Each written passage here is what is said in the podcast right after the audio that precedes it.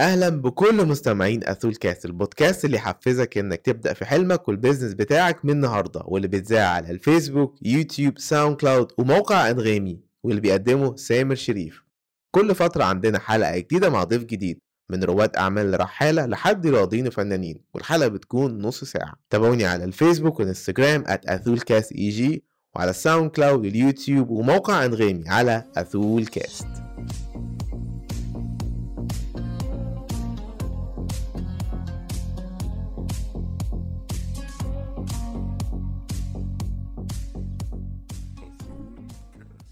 أهلا بيكم تاني في البودكاست. الضيف اللي معايا في الحلقة دي هو المهندس أيمن راشد. هو مؤسس شركة آي تي بلوكس وموقع أطلب dot com واللي اتباعت بعد شهور بسيطة من انشائها مهندس أيمن هيتكلم باستفاضة عن إنشاء موقع أطلب وشركة آي تي بلوكس. وكمان هيرشح كتاب مهم جدا لأي حد عنده startup وعاوز يخليها تكبر بسرعة معاه. أتمنى تعجبكم حلقة المهندس أيمن.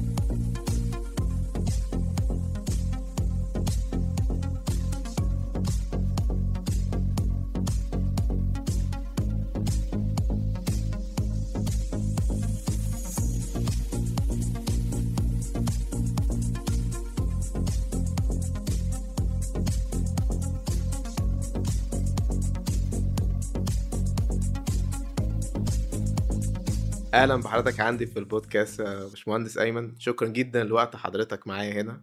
أهلا بيك يا سامر بس أهلا بيك أنت في مكتبي مش عندك في البودكاست ربنا يخليك ربنا يخليك. في البداية حابب أعرف نبذة عن حضرتك سريعه من أول لما اتخرجت من الكلية لحد لما حضرتك بقيت المدير عام لشركة آي تي بلوكس. طب sorry يعني أنت وراك حاجة؟ لا إحنا قاعدين. أنا قاعدين. إحنا قاعدين. إحنا قاعدين. طيب. آه، أنا اتخرجت مهندس مدني سنة 90 واشتغلت مساعد باحث في مركز بحوث البنى. المفروض إن ده كارير أكاديمي. المفروض إن أنا أمشي فيه يعني زي معيد أو حاجة زي كده. ابتديت فعلا أسجل ماجستير وأشتغل في الاتجاه ده بس حسيت إن ده مش اتجاهي. دي مش الحاجة اللي أنا عايز أعملها. ولما شفت الناس الأكبر مني اللي هم بقوا دكاترة بقى وبتاع بيشتغلوا لي لأ أنا مش عاجبني الكلام ده ومش حابب كده ومش حابب أبقى زيهم لما أكبر. ف ابتديت أدور على إيه اللي ممكن أقدر أشتغله يمين شمال بتاع لغاية ما ربنا وفقني في اتجاه ال IT يعني. دخلت ال ITI دفعة واحد.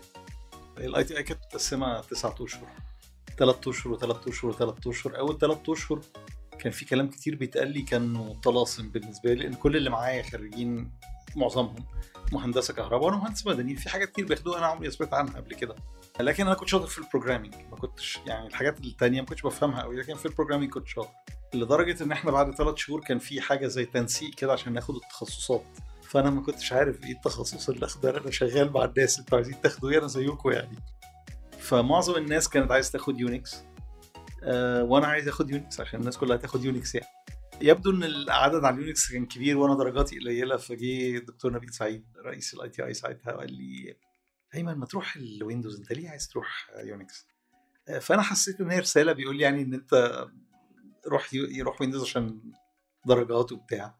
فرحت Windows وأنا برضو ما أعرفش إيه الفرق بين ال Unix وال Windows بس دخلت Windows الحمد لله ربنا وفقني فيه انبسطت اتعلمت كويس قوي وحبيته قوي. حبيت ال programming حبيت الشغلانة.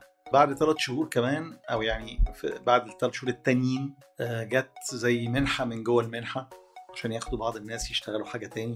فاتخدت في المنحة دي واشتغلت بيها. فضلت في الحتة دي. كانت حاجة niche قوي حاجة زي ال... ال... كانوا دايما يقولوا لنا كده أنتوا بتشتغلوا في الرولز رويس بتاع ال programming. ال1 seat ب 45000 دولار لل developer حاجة رقم خرافي كانت حاجة غالية قوي لأنها كانت حاجة لل mainframe كانت بتشتغل ال mainframe وال Unix وال PCs وبتاع. حاجة كانت CASE tool وفي وقتها كانت كانت غالية even وقتها. فكنا بنشتغل في الرولز رويس دي فطبعا ملهاش شغل كتير. فبدينا نشتغل بعد شوية. اكتشفوني المديرين اللي فوقيا إن أنا ممكن أكتب proposal كمان. فخلوني أكتب proposal ل customer وال customer رضي إنه إن إحنا ناخد المشروع. فده كانوا مبسوطين مني بقى إيه ده أنت لسه صغير وما تعرفش وتعلمت. كتبت لوحدك proposal وخدنا ال proposal وبتاع. فابتديت بقيت بشتغل بروحين. شوية marketing على شوية development وبعدين جت كنت شغال ساعتها في RITSEC اللي هو الدراع الاقليمي لمركز معلومات مجلس الوزراء أياميها. كنا المفروض بنخدم المنطقة العربية يعني من RITSEC الكلام ده سنة من 93 يعني. أنا خدت ال ITI سنة 93 94 كنت في ال RITSEC وبعدين جم عرضوا علينا يا جماعة إيه رأيكم إنه في منحة منحة تاني داخلية MBA من Maastricht School of Management للعاملين جوه RITSEC وال IDSC فأنا الحقيقة كنت مش عايز أخدها لأن أنا كنت خدت الماجستير بتاع مدني وحسيتش ان له فايدة قوي يعني. لكن اصحابي قالوا لي لأ طب ما تخش معانا وهندخل وبتاع. وكان في واحد صاحبي ضغط عليا قوي لازم تدخل. كان في امتحان كده امتحان قبول يعني. فدخلت الامتحان فطلعت من الأوائل فقال لي أنت بتهزر يعني أنت داخل الامتحان وأنت مش عايز وطلعت من الأوائل ف لا كمل بقى وبتاع. فكملت والحقيقة اتعلمت كتير قوي في ال MBA وانبسطت جدا كانت حاجة مفيدة جدا في حياتي برغم إني ما كنتش قاصدها. وفضلت شغال marketing على development في RITSEC شوية. وبعدين في لحظة بما إن أنا كنت ال marketeer بتاع الإدارة بتاعتنا فأنا شايف إن مش جاي لها شغل. مشيت رحت ال distributor بتاع ال tool دي في الخليج. هو كان واخد السعودية ساعتها. فاشتغلت معاه كنت فاكر برضو أنا ساعات كده باخد إجراء حاجات من غير ما أبقى عارف أنا رايح فين يعني. أنا رايح على أساس إنه أنا رايح شركة. أتاري إن هي الشركة دي هو أنا وهو. مفيش غيرنا. اتفوجئت بالكلام ده بعد ما كنت سبت الشغل وسافرت واستلمت هناك في السعودية يعني. لكن الحمد لله اشتغلنا كويس قوي. الشركة دي من اتنين في خلال سنة وشهرين ولا حاجة بقينا 14 واحد. وأنا في الفترة دي اتجوزت وقررت إن أنا أرجع مصر. أنا مش عايز أقعد في السعودية يعني كده حابب إن أنا أرجع مصر. رجعت مصر. بدور بقى على شغل. ما عنديش شغل. كنت بفكر إن أنا أعمل حاجة خاصة ساعتها related للموضوع ده بتاع الرولز رويس بحكي لك عليه. لكن ما ممشيش ما مشيتش. فابتديت أدور على شغل وأنا بقى متجوز ومخلف ويعني لازم أشتغل يعني. آه. فاشتغلت في شركة هنا في مصر لكن من أول لحظة ما كنتش حاسس إن ده مكاني قوي يعني ما كانتش مناسبة قوي للحاجات اللي أنا اتعلمتها ولا كده. بس اشتغلت فيها وأنا فيها كنت عمال أفكر أنا عايز أعمل حاجة لازم أفتح حاجة بتاعتي قوي يعني ما اناش عارف إيه اللي ممكن يتعمل لكن أنا لازم أعمل حاجة. جات لي فكرة أطلب ساعتها وابتديت أشتغل فيها ابتديت أحضر للشركة يعني وأنا لسه شغال في الشركة دي. لغاية ما عملنا لونشنج لأطلب ابتديت أبص إنه طب أطلب هتكبر إزاي؟ أنا شايفها بتكبر كل يوم بس مش عارف هتكبر إزاي لأن معناش فلوس نصرف عليها. حضرتك كان معاك co-founder صح؟ كان كان معايا الحقيقة أنا أنا بديت الفكرة وبعدين بعدها على طول صديقي مصطفى عرض عليا إنه يدخل معايا وأنا يعني أنا كنت سعيد جدا بيه الحقيقة. إحنا كنا كنا فريق حلو جدا إحنا الاثنين مع بعض يعني. لكن بعد ما عملنا launching والحقيقة ال launching كان لطيف جدا. الناس الاستقبال بتاع الناس للفكرة كان كويس قوي. الأعداد بتزيد كل يوم. طبعا هي لا تذكر بالنسبة للأعداد بتاعت النهارده لكن آه. بالنسبة لنا في وقتها وإن إحنا كنا بدري قوي كانت الأعداد دي جميلة جدا وبالنسبة لنا كل يوم بتزيد فأنت أنت مبسوط. بس أنت عايز فلوس ومفيش فلوس. بالصدفة كنت قاعد مع حد من أصحابي عايش في أمريكا فبحكي له وأنا بعمل كذا وبتاع. فقعد يضحك قال لي أنت أنت إيه اللي بتقوله ده؟ ده أنت لو بتعمل الكلام ده عندنا في أمريكا كان زمان في مليون دولار على مكتبك حالا محطوطين من أي venture capital يعني إيه venture في capital سنة سنة 99 99 قلت له يعني إيه venture capital أنا أصلا ما أعرفش يعني إيه venture capital فقعد بقى يشرح لي وقال لي ما تكلم فلان صاحبنا فلان عنده بيشتغل في حاجة شبه كده. فابتديت أكلم فلان صاحبنا آه، طب تعالى فرجني فرجته طب قلت له طب يعني بص قول لي أكلم مين تاني؟ فابتدى يقول لي أكلم فلان وعلان وهكذا. لغاية ما في لحظة حسيت إنه ما ينفعش أكمل في الشغل لازم أسيب الشغل. فسبت الشغل. وركزت مع اطلب كنت خلاص ابتديت أشوف إنها هيحصل لها investment إزاي؟ مع... مش عارف لكن في investment جاي في كذا حد بتكلم معاهم معظمهم positive يمكن كان في مشكلة كبيرة إن كلنا مش عارفين نقيم إزاي. ولا هم عارفين يقيموا ولا أنا عارف أقيم. أنا راجل أول مرة أعمل حاجة زي كده ومفيش حاجة تقيس عليها. وهم كمان برغم إن هم بيشتغلوا في الحتة دي ما عندهمش حاجة يقيسوا عليها. فوجئنا بعرض جاي لنا إحنا عايزين ناخد الشركة خالص نشتريها. أنا كنت رافض يعني الفكرة في الأول يعني إيه تشتروها؟ ومش بس يشتروها لا يشتروها ويطلعونا بره لا ده أنا أنا كنت متخيل كل دماغي وأحلامي في الوقت ده وأفكاري إن أنا بقى هطور فيها وهعمل كذا وهعمل كذا. كان عندي أفكار. لكن ده كان العرض أكتر عرض سوليد وواضح قدامنا. وفي نفس الوقت أحسنهم ماديا يعني. فمصطفى اللي هو شريكي قال لي كلمة لطيفة جدا آه، أقنعني في ساعتها يعني. قال لي أنا كنت ساعتها بقول أطلب دي زي بنتي. فقال لي آه، أطلب مش بنتك. أطلب ده بيزنس إحنا عاملينه. وأنت عندك أفكار عايز تعملها بعد كده وأنا عندي أفكار عايز أعملها بعد كده. وأنت بتقول إن إحنا هنجيب الفلوس دي في خلال ثلاث سنين. طب ليه نستنى ثلاث سنين عشان نجيبها؟ ما ناخدها دلوقتي ونروح نعمل حاجات تانية اللي إحنا عايزينها. لقيتها فكرة لطيفة وافقت. وبعنا. راحت بقى اطلب لحالها. وإحنا اتفرقنا يعني مصطفى راح يعمل حاجات وأنا عملت حاجات. هي آي تي بلوكس اللي هي الشركة اللي إحنا فيها دلوقتي. كانت ساعتها اسمها انترنت بلوكس وكانت فكرتي إن أنا أطلع مشاريع من تحتها. أو كأنها holding company وتحتها شركات بتطلع افكار عملت حاجات كتير بقى بقى لنا 18 سنة دلوقتي شغالين في الاتجاه ده. عملنا أشياء كثيرة جدا. في حاجات نجحت وحاجات فشلت وحاجات كتير مش عايز أزهقك بيها. بقى كفاية كده على السؤال ده.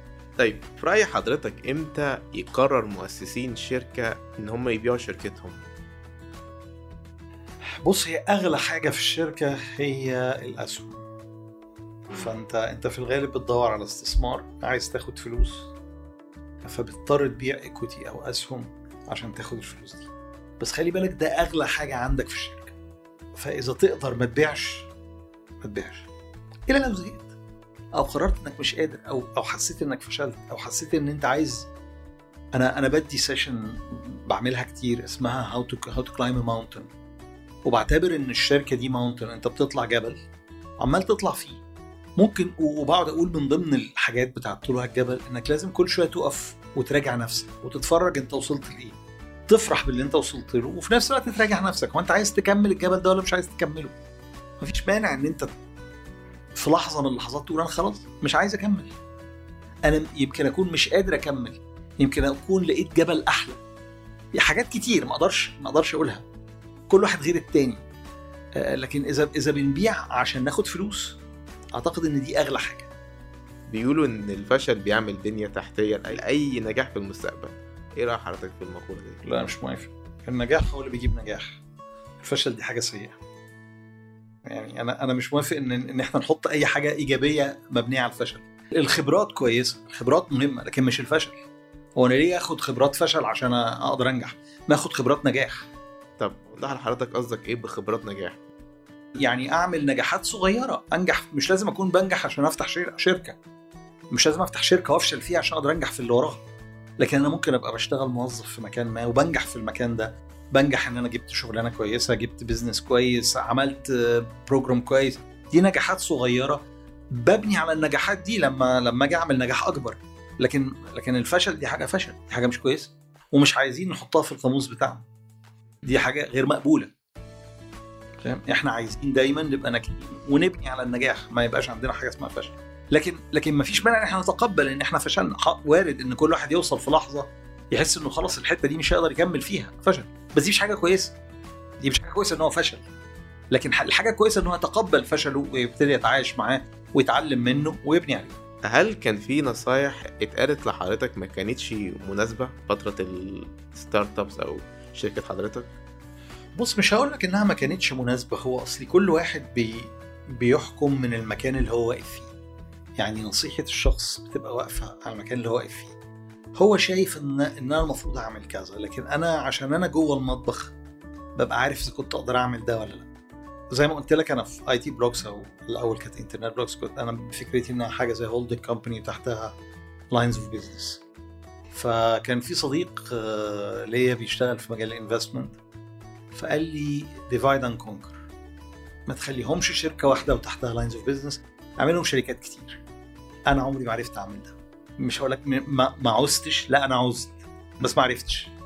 فهو هو كان هو نصيحته في وقتها ما كنتش عايز أعملها يمكن بس بعد كده حاولت أعملها وما عرفتش.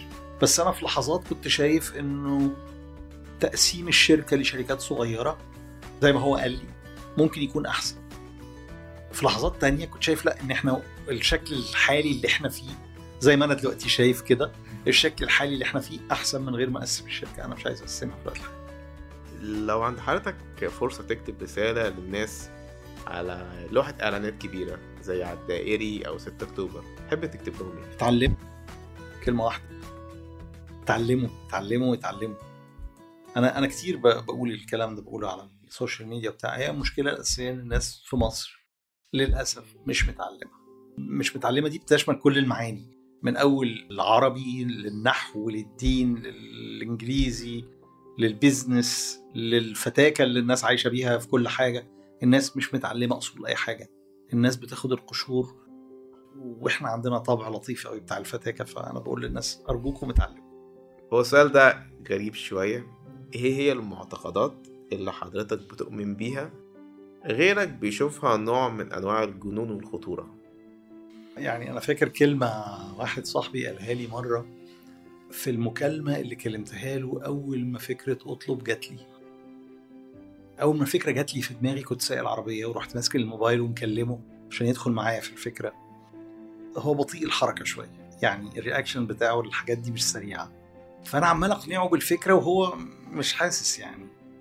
ففي الآخر قال لي بص أنت أنت مجنون ومش هعرف أقنعك. آه، أنت رايح فين؟ كنت مسافر ساعتها. قال لي طب سافر ولما ترجع نبقى نتكلم. طبعا أنا أصلا لما سافرت ما حسيتش بالسفرية كانت كل دماغي في الموضوع. ولما رجعت اشتغلت من غير ما أقول له أصلا ان ما كانش عندي ما عن- ما عنديش طاقة إن أنا أتكلم مع حد سلبي أو هيديني يعني طاقة سلبية. للموضوع كنت عايز أشتغل على طول. فأنا كده أنا لما بؤمن بحاجة بشتغل بيها على طول يعني. طبعا في أنا عارف إن في ناس بتحب تقول لك لازم تدرس كويس لازم تعمل كذا لكن أنا عارف نفسي أنا لما ببقى بتسميه حدث يمكن حدثك إنك بتشوف الحاجة بتشوف الحاجة تقول آه هي دي. آه خلاص بدخل انت بتشوف حضرتك نظرة كده للموضوع ده أنا شكلي عامل إزاي؟ آه، ما بستناش ما بستناش لما أصبر ولا كده فكرة دي دي حاجة جميلة جدا على فكرة. مش دايما يعني.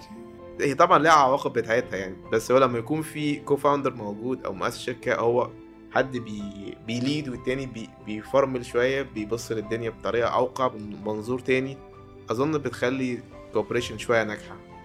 شوف هو أنا هقول لك حاجة هو لا هي مش كده هي المفروض ال co-founders يقسموا الأدوار بينهم. يعني ممكن ما فيش مانع إن يبقى في عندهم قائد مجنون. ما فيش مانع خالص وهم ما يشدوش لورا. بس لازم يبقى ليهم دور واضح كل واحد دوره إيه.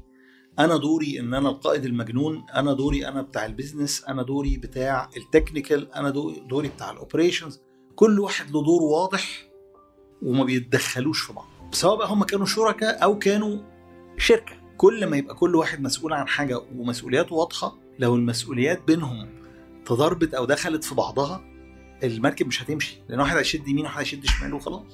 إيه الأخطاء الشائعة اللي حضرتك بتشوفها في الستارت أبس اليومين دول؟ اللي نفس حضرتك تشوفها إن هي تتصلح. يعني هقول لك حاجة أنا ما بعملهاش بس أنا هقول لك إن ده خطأ كتير. اتفضل.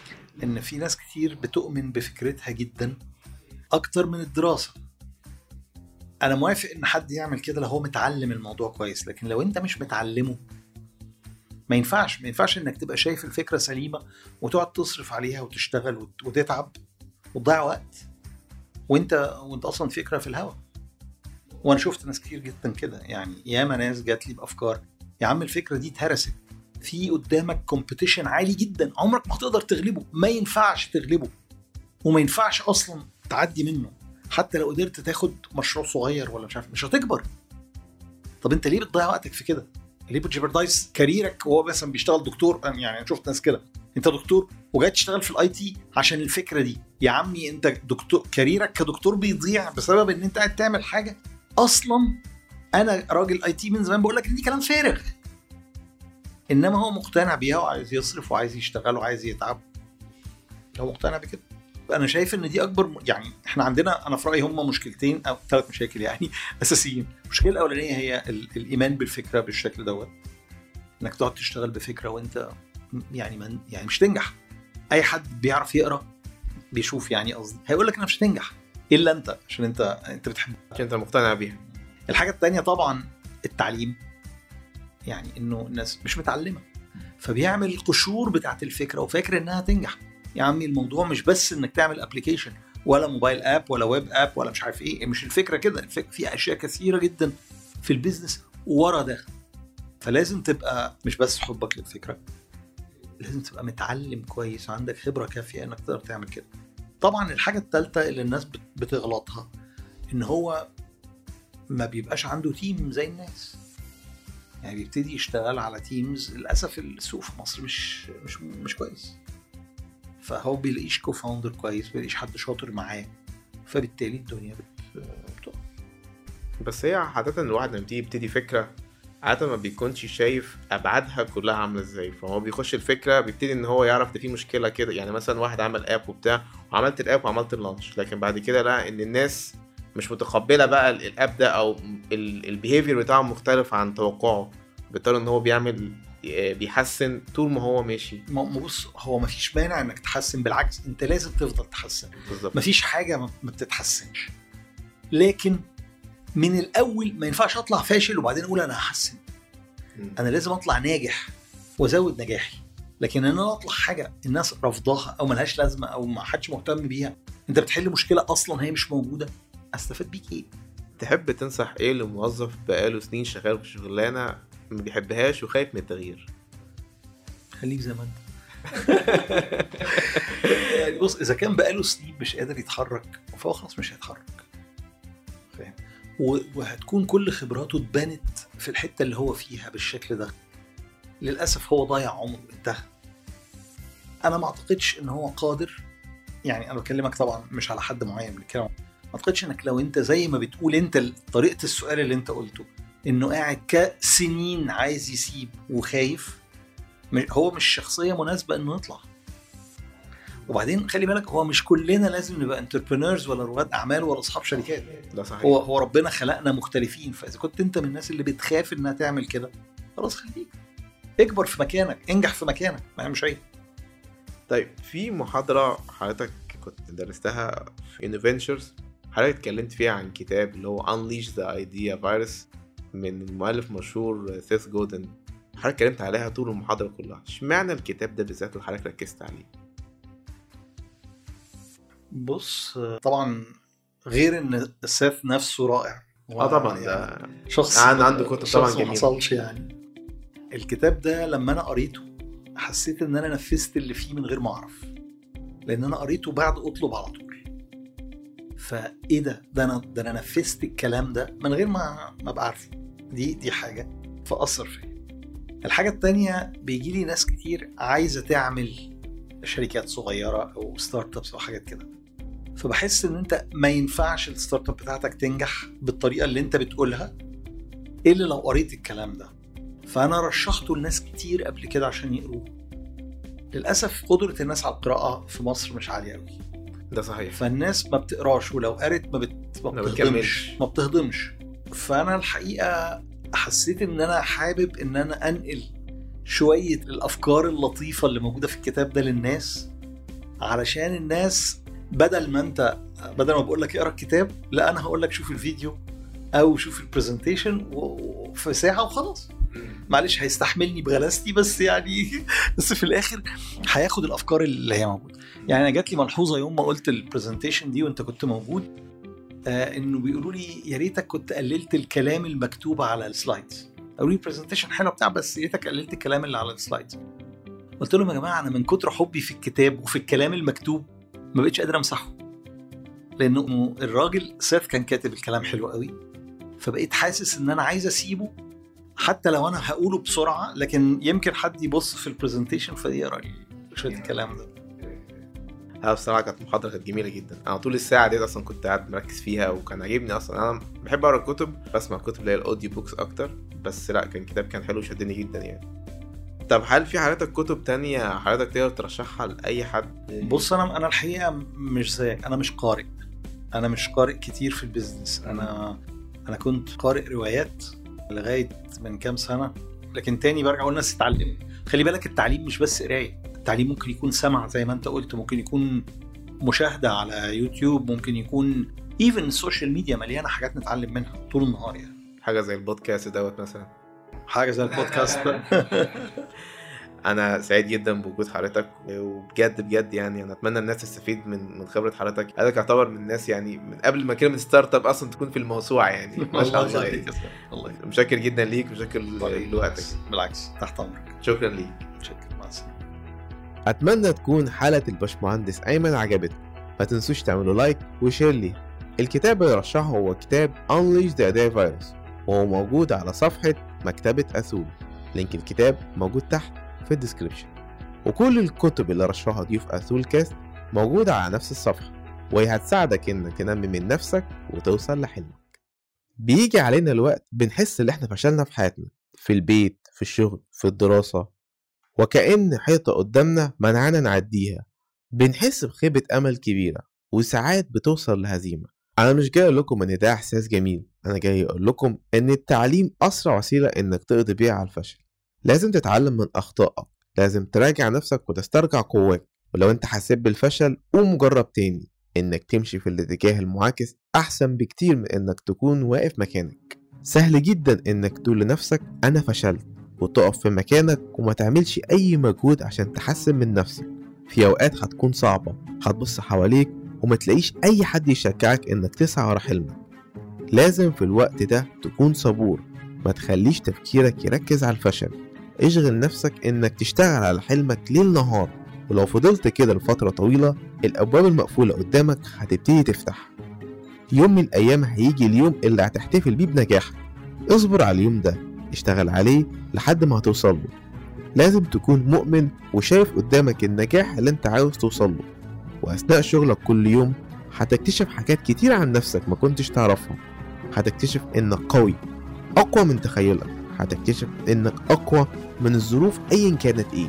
بص لنفسك في المراية دلوقتي وكل يوم الصبح وقول لنفسك أنا هقدر أنا أقوى من الظروف أنا هوصل لحلمي.